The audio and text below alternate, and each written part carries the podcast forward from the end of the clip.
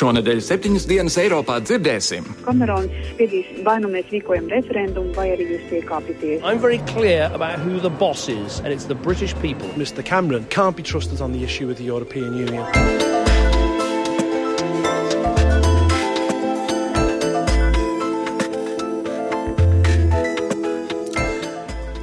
Labdien, klausītāji! Klāt jaunākais septiņas dienas Eiropā raidījums, kur katru nedēļu apspriežam, kā Eiropas un pasaules notikumi var ietekmēt mūsu tepat Latvijā. Pie mums sestdien uzvaras parkā Krievijas apmaksāto salūtu ieradās noskatīties tik daudz gribētāju, ka pietrūka Georga Lentīšu, tikmēr Maskavas sarkanais laukums pārtapa par skatuvi Krievijas militārās varas cildināšanai pirms 70 gadiem un arī šodien. Par spīti tam, ka savā uzrunā prezidents Putins pateicās arī Lielbritānijas, Francijas un ASV iedzīvotājiem par viņu ieguldījumu nacismu sakāvē, rietumu valstu līderi bija nolēmuši neatzīmēt šos svētkus kopā ar Putinu. Visa Krievija apstājās uz dienu, lai atzīmētu to, kā Padomju Savienība it kā atsevināja Eiropu no nacisma draudiem, Toties Eiropu šobrīd vairāk rūp vēršanās pret tā, pret tā sauktiem fašistiem, kas notiek šodien, nevis pirms 70 gadiem. Bet šodien raidījumā arī spriedīsim par tikko notikušajām Lielbritānijas vēlēšanām un par premjera Kamerona solījumu tuvāko gadu laikā rīkot referendumu par Lielbritānijas izstāšanos no Eiropas Savienības. Taču vispirms uzklausīsim dažus viedokļus par Eiropas komisijas jauno stratēģiju vienotā digitālā tirgus izveidē.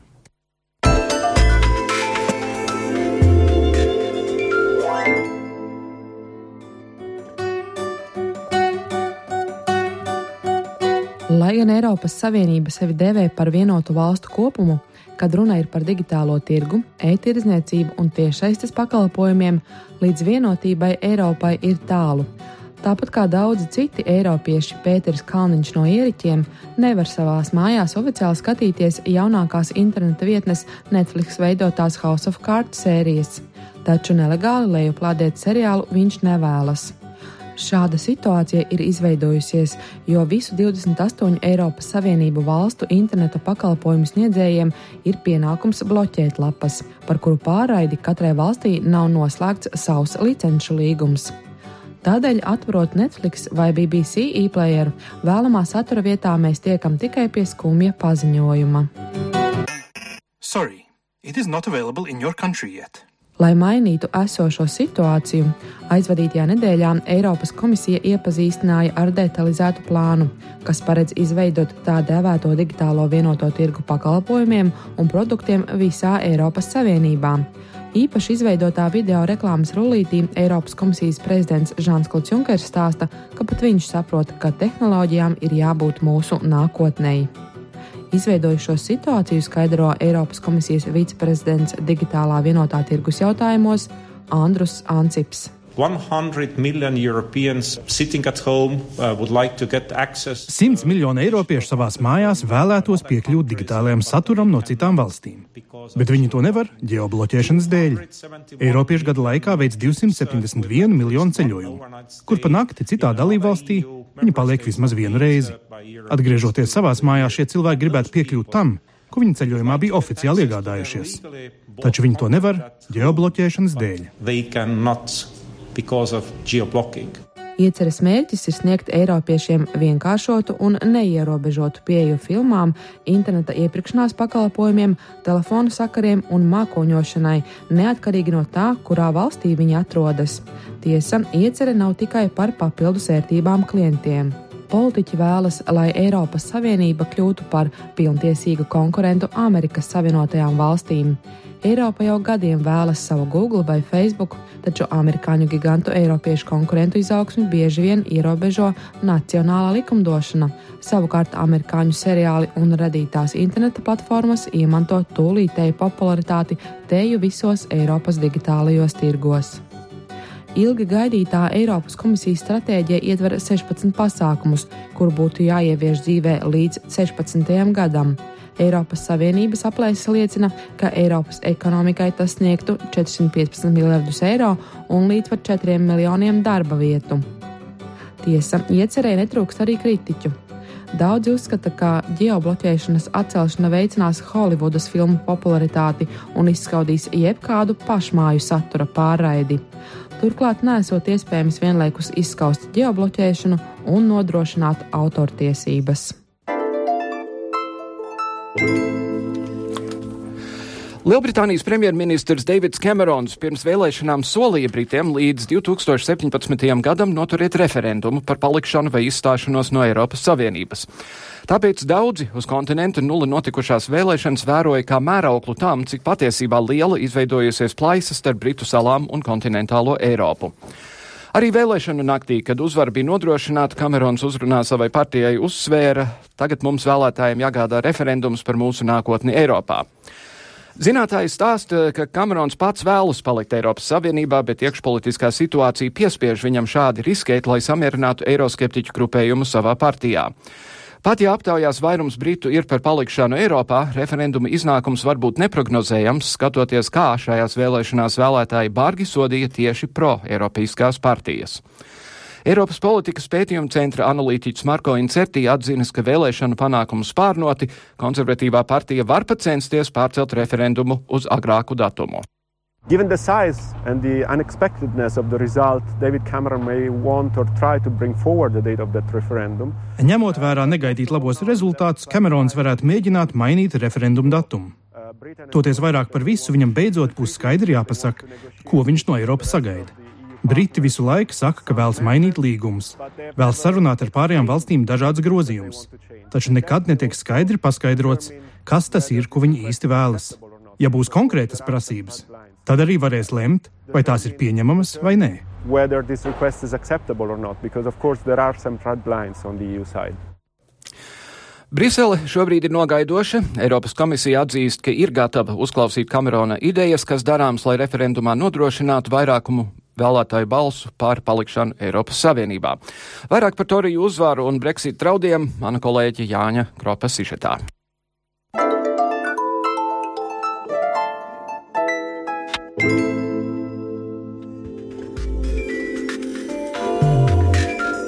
Lielbritānijai ir jāiet savs ceļš, jo tā spēja attīstīties, kamēr pārējā Eiropa atrodas ekonomiskā stagnācijā, vai arī Lielbritānijai ir jāierobežo viesstrādnieku pieplūdums, kam atkal pretojas Eiropa, vai tāpat Britiem būtu pašiem jālemj sava nākotne. Tātad biežāk jāpiedalās referendumos. Šādā veidā varētu turpināt ilgi, jo Lielbritānijas parlamenta vēlēšana priekšsakrā vienojošais viedoklis laikam bija tikai viens - vēlēšanas būs viena milzīga ķēpa un brēka. Konservatīvie uzvaras gadījumā sola referendumu. Finansisti atkal satraucas populisms par aiziešanu no Eiropas Savienības var izraisīt lielu kritumu, bet radikāli tikmēr skandē katram savu pašnoteikšanos. Visam pa vidu ekonomistu brīdinājums, lai kurš svinētu uzvaru Lielbritānijā, visiem tāpat būs jādomā par izdevumu samazināšanu, kas, protams, nav populāri. Lielbritānijas premjerministrs un konservatīvo Toriju partijas līderis Deivids Kamerons solīja vēlēšanu uzvaras gadījumā 2017. gadā sarīkot referendumu par Lielbritānijas lomu Eiropas Savienībā. Tajā viņš lielāko uzmanību velta tieši imigrācijas jautājumiem. Tas, kas mums ir vajadzīgs, ir vēlreiz pārdiskutēt mūsu dalību Eiropas Savienībā un tad par to sarīkot referendumu. Britiem ir jāpieņem lēmums, vai mēs paliekam reformētajā savienībā vai nē. Tās ir lietas, kuras es uzskatu par primārām. Galvenais, kam jāpievērš uzmanība jaunajā diskusijā par mūsu dalību Eiropas Savienībā, ir imigrācija. Esmu bijis tieši, kurš ir mans priekšnieks. Tā ir mūsu tauta, kura vēlas, lai šo jautājumu atrisina, un esmu mērķiecīgi noskaņots to arī izdarīt. Deivida Kamerona noskaņojumam gan netic radikālās partijas UKIP pārstāvis Pols Nutāls. Viņa prāt, Kamerons jau sen sevi ir pierādījis kā laipotāju referendumu jautājumos. Bieži vien izskan šāds viedoklis, ka divu gadu laikā arī pēc uzvaras referendumu vēl var itin veiksmīgi atcelt. Protams, šobrīd viss ir hipotētiski sacīts. Mēs šobrīd tāpat nezinām, ko Kamerona kungs darīs. Es paredzu, ka viņš piedāvās referendumu, taču tam nav liels nozīmes. Atkārtošu vēlreiz.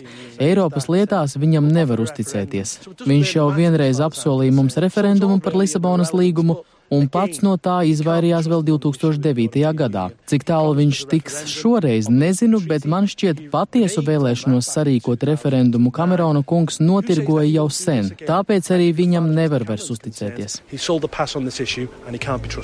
Citās domās gan ir britu tauta. Viņi ir parādījuši, ka konservatīvo idejas viņiem šķiet pietiekami svarīgas. Kopā ar liberālu demokrātiem iesāktā laivas šūpošana Eiropā tautai lielā mērā patīk.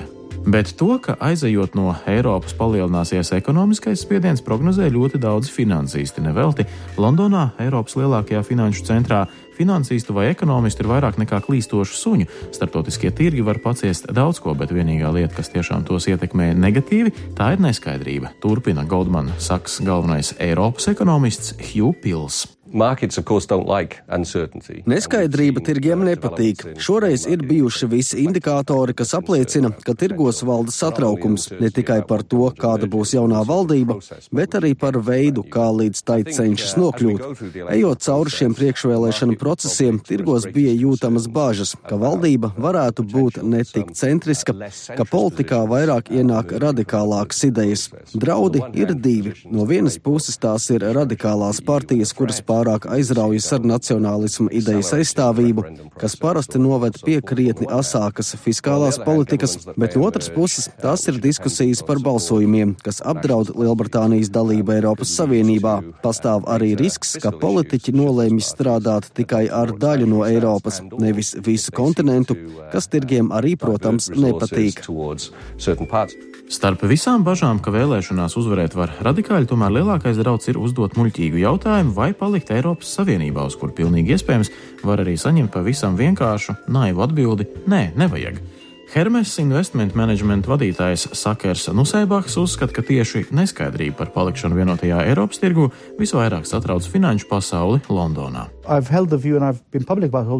Esmu uzskatījis un uzskatu vēl joprojām, ka starptautiskiem tirgiem ir svarīgi zināt, ka paliek uzticība dalībai Eiropas Savienībā.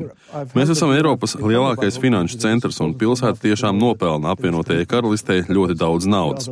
Tā vienkārši nevar atļauties būt otra puse Eiropas. Sākotnēji eksperti sacīja, ka ar referendumu Lielbritānija cenšas iebiedēt Eiropu. Tas it kā nav izdevies, lai gan nav jau arī tā, ka Eiropa var iztikt bez Lielbritānijas. Ja jau ar Grieķiju nevar tikt galā, tad neloģiski šķiet vienaldzība brīdī, kad draudus izsaka Lielbritānija. Par Vācijas lomu vairāk stāsta Bairutas Universitātes profesors un Konrāda Adenauera fonda pārstāvis Mihails Volgemots. Lielbritānijas izstāšanās no Eiropas Savienības, jeb ja Brexit, Vācijai būtu krietni lielāks šoks nekā Grieķijas aiziešana. Šādu krīzi būtu grūti vadīt. Ja salīdzinām abas valstis, tad Grieķijas ietekme uz Eiropas Savienības iekšzemes koproduktu ir ap pusotru procentu, kamēr Lielbritānija ir otrā lielākā ekonomika, apsteidzot pat Franciju. Tāpēc vāciešiem arī nākotnē būtu ļoti jāuzmanās no tādām sarunām kā Brexit.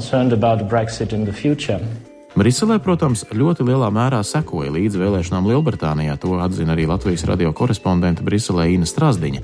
Lielbritānija ir pietiekami ietekmīga, lai arī diktētu savus noteikumus. Vairāk gan stāsta Ina Strasdiņa pilnīgi skaidrs, ka būs tirgošanās. Tas tā ir noticis arī iepriekš. Lielbritānija, citi ir no tām valstīm, kur jau iepriekš ir ieguvusi gan atlaides maksājumiem Eiropas Savienības budžetā, gan arī visādi cits atlaides. Eh, tā kā Lielbritānija jau ir pieredzējusi Eiropas Savienības piekāpšanos, eh, iespējams arī šī reize eh, nebūs izņēmums. Deivids Kamerons iepriekš ir spiedis un izdarījis spiedienu, un, piemēram, viņš arī panāca mazākus maksājumus Eiropas Savienības kopējā budžetā, un būtībā Kamerona dēļ arī ir mazāks Eiropas Savienības budžets un arī mazāki maksājumi Eiropas Savienības lauksaimniekiem. Piemēram, arī Latvijas gadījumā tas ir tādēļ, ka būtībā Lielbritānija lielā mērā uzspieda uz šo mazāko budžetu. Tā kā, jā, jā, es domāju, ka Kamerons eh, spiedīs eh, cik vien varēs, lai panāktu to, ka vai nu mēs rīkojam referendumu, vai arī jūs piekāpjaties. Sarīkos Briti referendumu vai nē, saka, ka divu gadu laikā vēl daudz kas var mainīties. Politika tāpēc arī ir politika. Politiķis galu galā nevar atturēties no kārdinājuma, solīt to pēc tam aizmirst. Lai kurš vadītu valsti nākamajā parlamenta sasaukuma laikā, tas būs nepatīkami un pietiekami sarežģīti. Budžetā jāmeklē konsolidācijas, jāapmierina investoru vēlmes, tajā pašā laikā jāiepriecina tauta, kas, protams, bez dzīvēm varētu būt grūti. Margarita Tečera, leģendārā Lielbritānijas premjerministre un dzels lēdija, kādā uzrunā vēl tālajā 1988. gadā atzina, Lielbritānija gadsimtiem ilgi ir centusies piedalīties Eiropas politikā, lai izslēgtu to, ka Eiropā būtu tikai viena vienīga vara. Pagājuši ir 27 gadi, un nevar īsti saprast, vai tiešām ir sākuši pūst jauni vēji no Britu salām, vai arī šī nostāja patiešām nebūs mainījusies ne par gramu.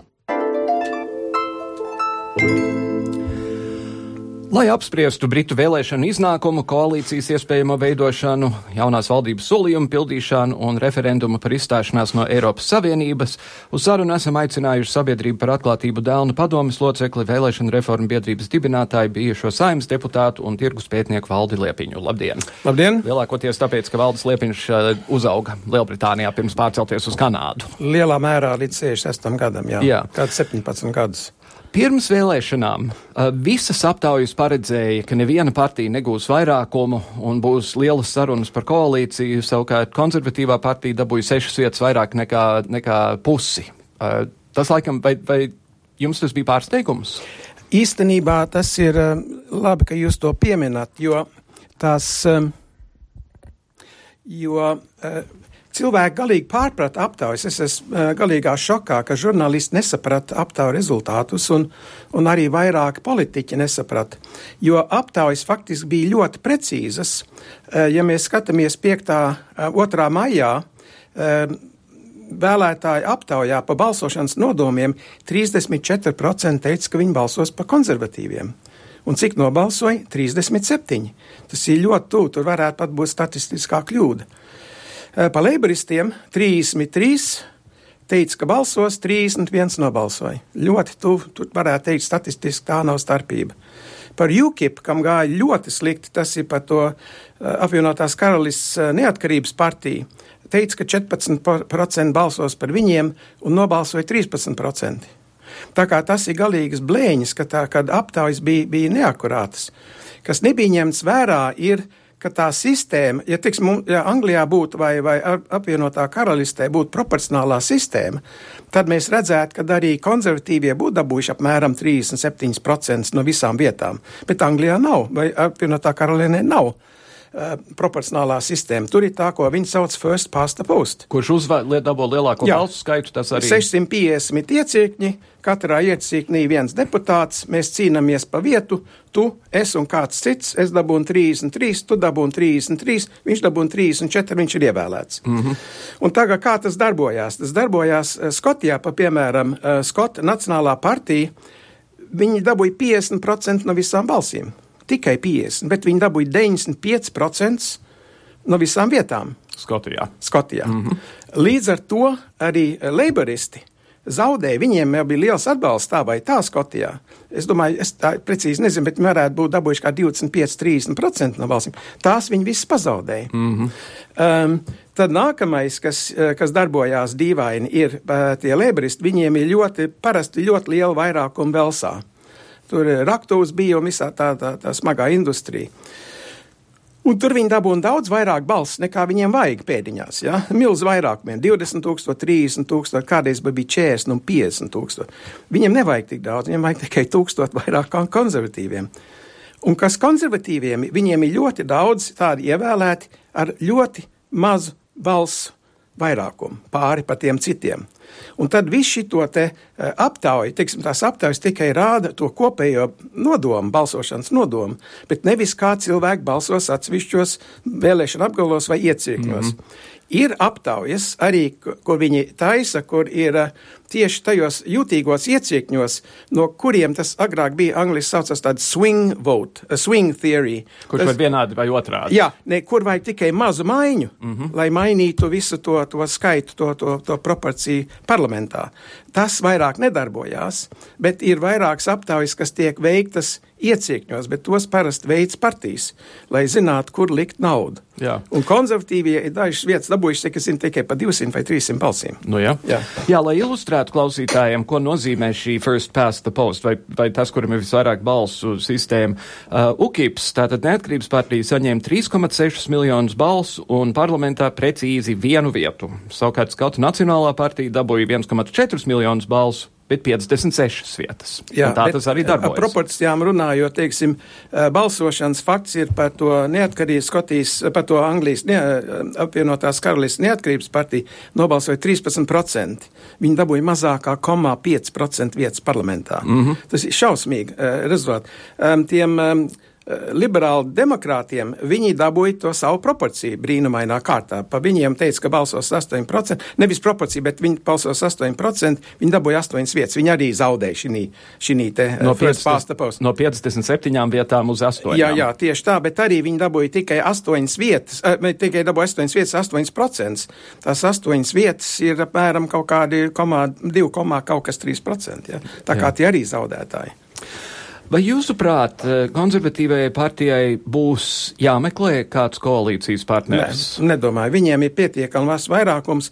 Viņiem ir um, tagad 12 vairākums, un um, jāņem vērā, ka tāda Sinn Fein uh, partija, kas uh, kandidē uh, Ziemeļīrijā, uh, viņi dabūja četras vietas, bet viņi tradicionāli tās vietas neieņem.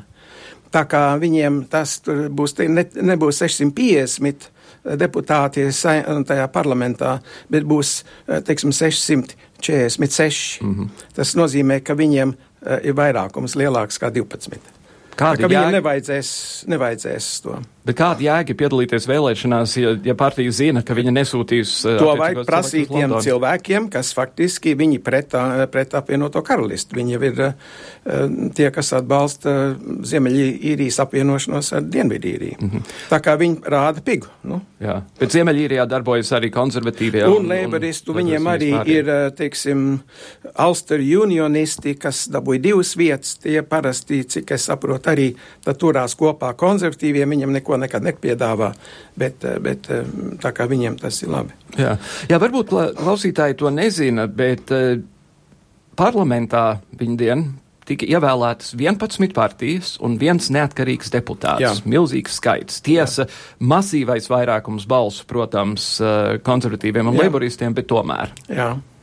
Nē, nu, tas tikai parāda, kā tā sistēma darbojās. Tas neatkarīgais bija noteikti ļoti populārs savā, savā um, iecirknī. Agrāk bija tāds James Galloway, kas bija nepopulārs visur citur, bet kaut kā ieciekni tie vēlētāji viņu, viņu ievēlēja.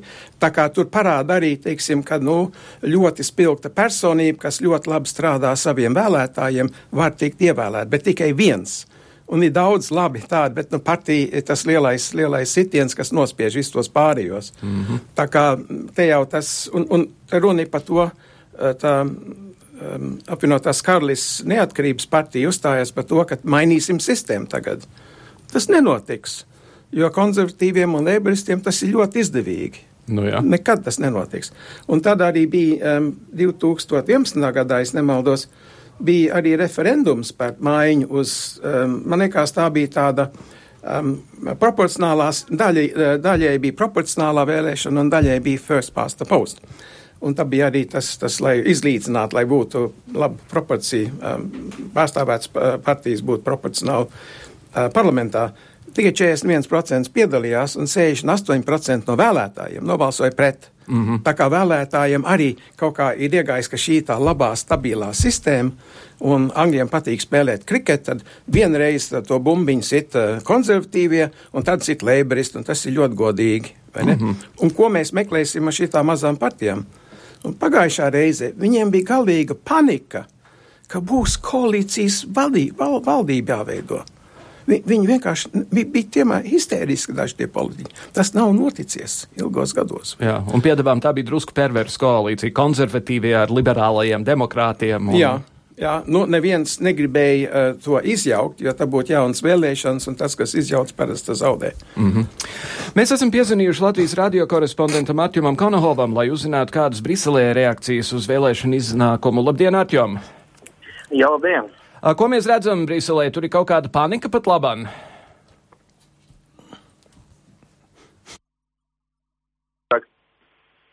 Halo! Jā, vēlreiz ir kaut kāda panika pat labāk uh, Briselē. Panikas šobrīd nav, nē, nekādas panikas, es domāju, nav. Bet, protams, ir pilnīgi skaidrs kļuvis, ka ir jāsāk pavisam nopietni strādāt pie jautājumiem, kas ir saistīti ar turpmāko Lielbritānijas palikšanu Eiropas Savienības sastāvā. Jo Džons Klauds Junkers, Eiropas komisijas priekšsēdētājs, ir vairāk kārt teicis, ka viņš ir gatavs strādāt ar Davidu Kameronu, lai teikt, noslēgtu kārtīgu, godīgu vienošanos, tādu, kas ļautu palikt Lielbritānijai Eiropas Savienības sastāvā. Angliski viņš teica fair deal, jā, nu, tādu godīgu, godīgu vienošanos. Ko tas īsti nozīmē, nav skaidrs, jo nav arī skaidrs, ko patiesībā Lielbritānija vēlas. Un nesenajā analīzē, bija, mm, ko, es, ko es lasīju, bija ārkārtīgi interesanti norādīts, ka pat augstākā līmeņa britu diplomāti sēž priekšā saviem um, Eiropas Savienības kolēģiem un kad, uz jautājumu, nu, tad, ko tad īsti jūs vēlaties?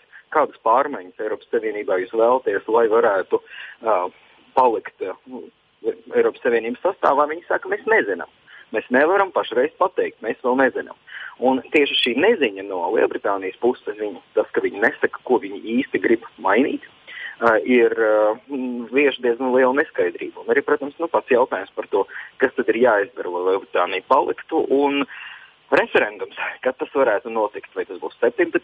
gads, vai tas būs ātrāk, visi šie jautājumi šobrīd jā, tiek aktīvi uzdoti Briseles gaitiņos.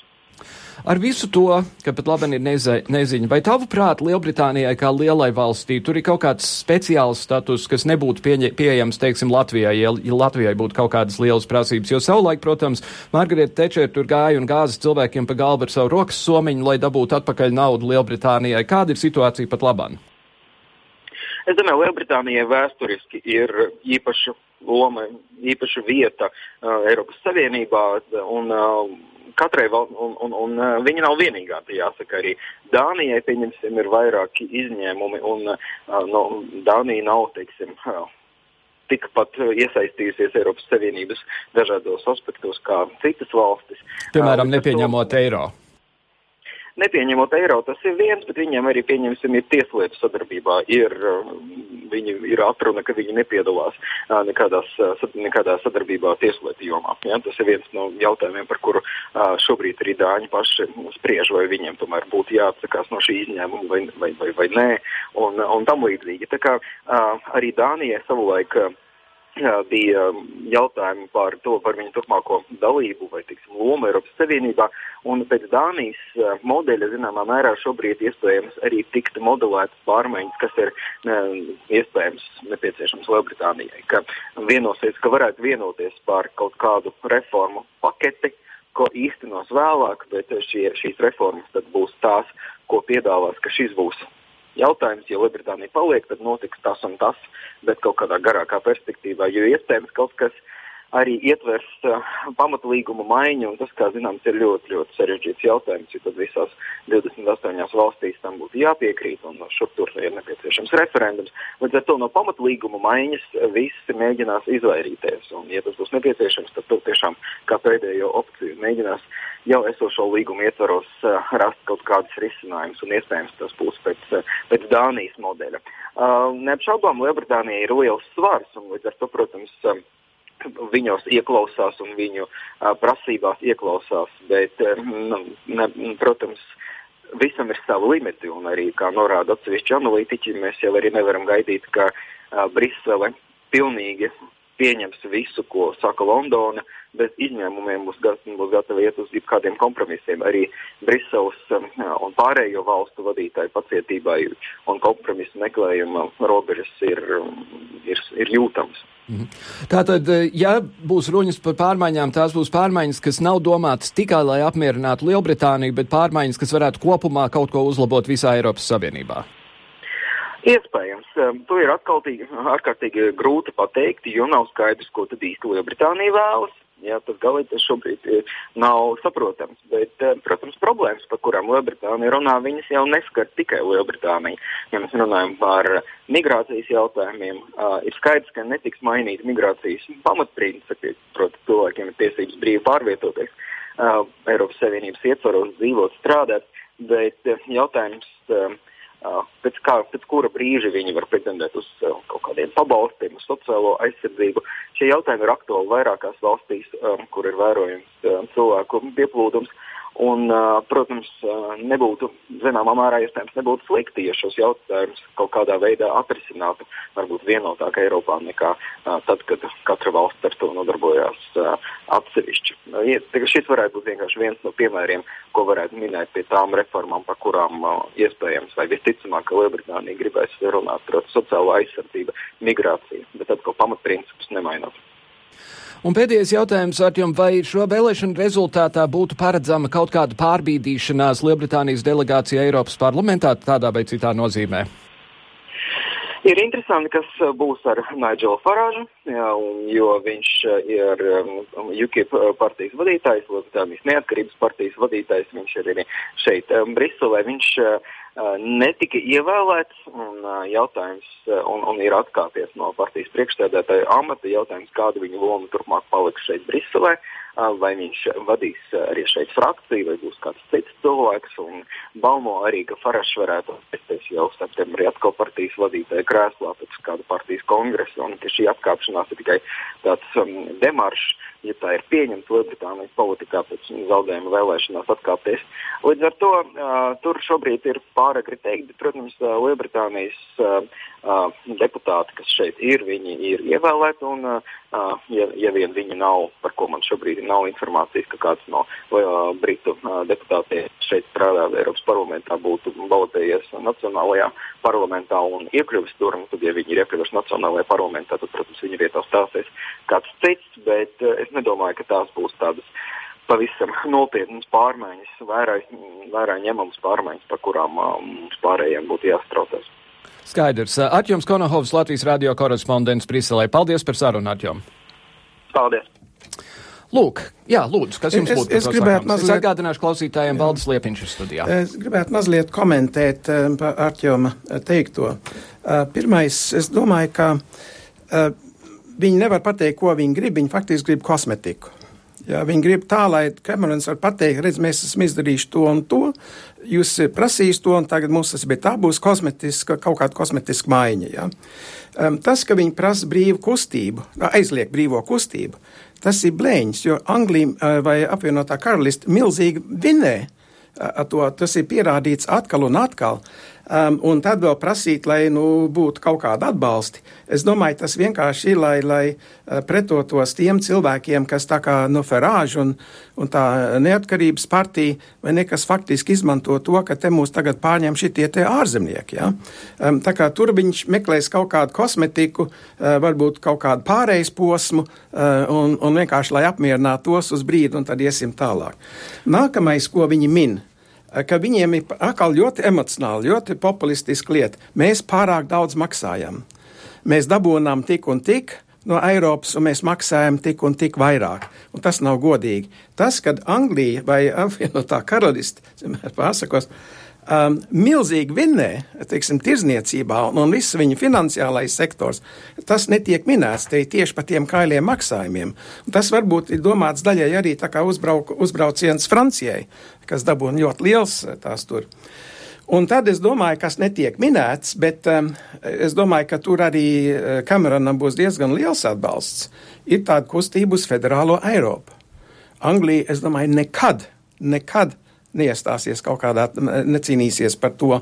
Un es domāju, ka mums arī jāsāk domāt par to, kas būtu, ja mēs būtu viena uh, daļa, vien, nu, viens lielāks federācijas, kāds būtu mūsu garantijas uh, par mūsu pašu tautas pastāvēšanu.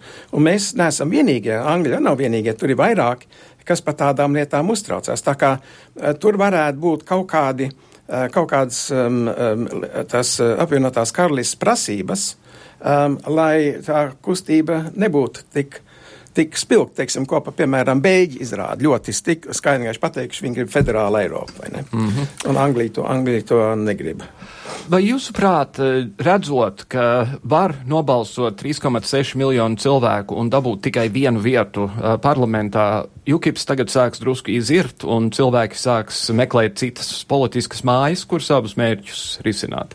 Es domāju, ka tas ir ļoti, ļoti iespējams, jo viņi var, teiksim, viņi var atkal runāt skaļi un, un, un, un proponēt savas idejas, bet uh, būs ļoti vienkārši pateikt, nu, redziet, jums tur negāja pagājušā reizē. Un ja viņiem nepieaug, teiksim, no tiem 13%, kas pa viņiem balsoja, viņi nepieaug uz 25, 26. Um, tad viņi tiešām izšķīdīs. Tas viss ir atkarīgs no tā, kā tā partija rīkojās un kā viņi reaģē. Tā pirmā reakcija, ka vajag mainīt sistēmu, iet tieši pretī tam, ko tauta grib. Tauta negrib mainīt šo sistēmu. Tā kā tā jau ir pirmā lielā kļūda, es domāju. Bet ar visu to jāņem vērā, ka liberāļiem agrāk arī bija 20-25% balsotāji. Viņi nedabūja vairāk kā 12, 15 vietas. Tie arī jau sen ir cīnījušies par, par proporcionālo sistēmu. Mm -hmm. Un kamēr šīs divas lielās partijas dominē, nu, tur nav nekāda izredzes, ka tas notiksies. Iepriekšējā uh, sasaukumā aizejošajā vairāki uh, parlamenta deputāti no konservatīvās partijas pārgāja uz UKIP. Es mhm. pieņēmu, mm -hmm. ka tas tagad beigsies, redzot, ka, ka tā partija būtībā izgāzās kā sēta. Tas nozīmē, ka tā opozīcija partijas iekšienē, konservatīvās partijas iekšienē augs. Un tas ir tas lielākais draugs Cameronam, kā, viņ, drauds, eh, kā viņš savaldīja šitos cilvēkus. Um, jo ņemsim vērā, ja viņam vairākums ir 12, nu, bez šiem fein būs bijis lielāks, tas nav pārāk liels. Un tad tie, teiksim, kādi 20 tādi, viņi var pieprasīt visādas lietas. Tā kā viņam būs arī eh, jāžonglē savā partijas iekšienē. Uh, viņi neies uz UKIP vai mm -hmm. cita, es domāju. Nu, izņemot, ja UKIPam pieaug tagad uh, atbalsts uz 20, 26, tad ļoti iespējams, ka tur vairāk aizies. Nu jā. jā. Un pēdējais jautājums jums, eh, klausītājiem, varbūt nav īsti saprotams, kas Lielbritānijā ir Lordu palāta, kura ir, cik es tagad saprotu, daļēji vēlēta, daļēji iecelta, bet var vienalga bloķēt to, ko dara apakšpalāta. Ja?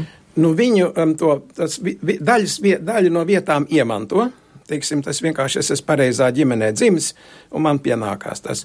Bet um, tas ļoti nāca pa labi konservatīviem, un tad bija tā maiņa, ka var arī iecelt um, valdību, ja, mhm. premjers. Mm -hmm. Un tas tad izbalansēja to, ka bija, nebija konservatīviem tas milzīgais vairākums, tad tur ir um, arī vairāk leiboristu un liber, no liberāla partijas un tā tālāk. Viņi neko nevar īsti panākt, viņi var noraidīt, un tad um, tas House of Commons tā zemākais palāts var atkal to noraidīt un lieta iet uz priekšu. Tā kā, kā viņi saka, tas ir tād, nu, tāds veids, kā var vēlreiz uzklausīt un pārdomāt šo lietu, ja tur kaut kas dikt nepatīk. Bet parasti eh, retos gadījumos vispārīgi ņem vērā, ko viņi saka. Tur tie, tie kungi var, un kundas var labi izrunāties un noteikti ir labas domas, varbūt viņas kādreiz vēlāk ņems vērā, bet um, tam zemākam, zemākajam. Ja, malā tam nav pārāk liela interese teikt, nu, jums bija pareizi par kaut ko. Mm -hmm. Tad nāk tas ir precedents, vai ne? Tas ir kā zaudējis prestīžu samērā. Skaidrs. Sabiedrības par atklātību Dēlna padomas loceklis Valdis Liepiņš. Paldies jums par sarunu. Ņemiet pa labu. Hokejistiem esot uguns sirdīs un ledus dzīslās, mēs septiņas dienas Eiropā par laimi nesirkstam ar šādas slimības simptomiem. Kā pasaules čempionātu hokeja aizvada Latvijas izlase un kas galu galā iegūs galveno balvu. Prognozi par šī gada favorītiem Prāgas lielajā hokeja pavasarī piedāvā sporta avīzes žurnālists Jānis Matulis. Pasaules hokeja čempionātā Latvija atlikusi vienu spēli, otrdien ar Franciju, bet mēs šodien, pirmdien, pusdienas laikā vēl nezinām, kāda būs šīs spēles cena. Vai tā būs par palikšanu starp 16 labākajām komandām, vai varbūt pat teorētiski iespējams, ka mēs spēlējam pa desmito vietu. Kā Latvija līdz šim ir spēlējusi? Nu, tā kā gan tajos amerikāņu kalniņos ir bijusi viena ideāla spēle ar Šveici. Šveici ir laba komanda, un to spēli Latvija tiešām nospēlēja ideāli. Pēc tam ir bijusi diezgan tāda nekāda spēle ar Vāciju. Ar Austriju mēs cīnījāmies tā kā divas līdzīgas komandas. Ļoti laba spēle bija ar Čehiju. Ja Latvijā kāds domā, ka mēs varējām šajā 2-4 spēlē Čehiju uzvarēt, tā tas droši vien nebija. Un diezgan tāda vārga spēle ar Zviedriju. 1-8 tomēr nav mūsu cienīgs rezultāts. Kas rītdien notiks? Rīt mēs esam diezgan labā situācijā, jo mēs zinām, ko mums vajadzēs. Un, ja, piemēram, šodien uh, Vācija uzvar Austriju parastajā laikā, tad mēs varam rīt uh, pīpēt. Šobrīd vēl ir dažādi varianti. Un skatoties gan šeit spēles Prāgā ar acīm, gan arī no Ostravas televīzijas ekrānos, nu šobrīd izskatās, ka tikai viena izlase var uzvarēt. Tā ir Kanādas izlase. Bet vai tā notiks? Nu, to mēs nevaram zināt, jo principā visu izšķirs viena spēle, 60 minūtes. Un kāda cita komanda var kanādiešiem iekost kājā. Un, bet nu, pēc spēles stila, pēc manieres, pēc spēka Kanāda šeit ir tā kā ārpus konkurences. Bet eh, tas nenozīmē, ka pārējie būtu jānoraksta. Tur vēl notiek diezgan tādas spraigas cīņas, notiek, kurš tiks ceturdaļfinālā vai Slovākija un Baltkrievija. Pašlaik izskatās, ka Baltkrievija, nu mūsu grupā viss ir skaidrs, praktiski tā ir Šveicē 4. vieta, Kanādai 1, Zviedrijai un Čehijai 2 un 3. Acīm redzot, Zviedrija 2, Čehija 3. Bet uh, kuras valsts himnas šeit skanēs pēdējā Prāgā? Nu, man liekas, ka tā būs Kanādas. Un novēlēsim Latvijai, lai rīt veids, lai puikas spēlē ar visu sirdi, un tad jau mēs mājās brauksim dziedādām. Rīt mēs varēsim iet pīpēt. Tā ir interesanta lieta, ko teikt par cilvēkiem, kas ir sportisti. Ar to arī, dāmas un kungi, izskan mūsu raidījums. Interesanta situācija Lielbritānijā. Cita starpā uh, Skotijā ir ievēlēta jauna kundze, 20 gadus veca. Viņa ir jaunākā parlamenta deputāta Lielbritānijā vairāk nekā simt gadu laikā, un viņa ir teikusi pirmkārt, ka viņa ir sociāliste, un otrkārt, ka viņai ir liela problēma, pirms viņa var sākt nodarboties īsta parlamentu lietām viņai vēl ir jānokārto eksāmenis universitātē. Redz, kā arī jauniešiem var izdoties, un jaunieši, kas mūs klausās, tas pats var notikt arī pie mums Latvijā. Paldies, dāmas un kungi, šonadēļ klausījāties. Atgriezīsimies šajā pašā laikā nākamnedēļ. Kārlis Streips jums saka visu labu!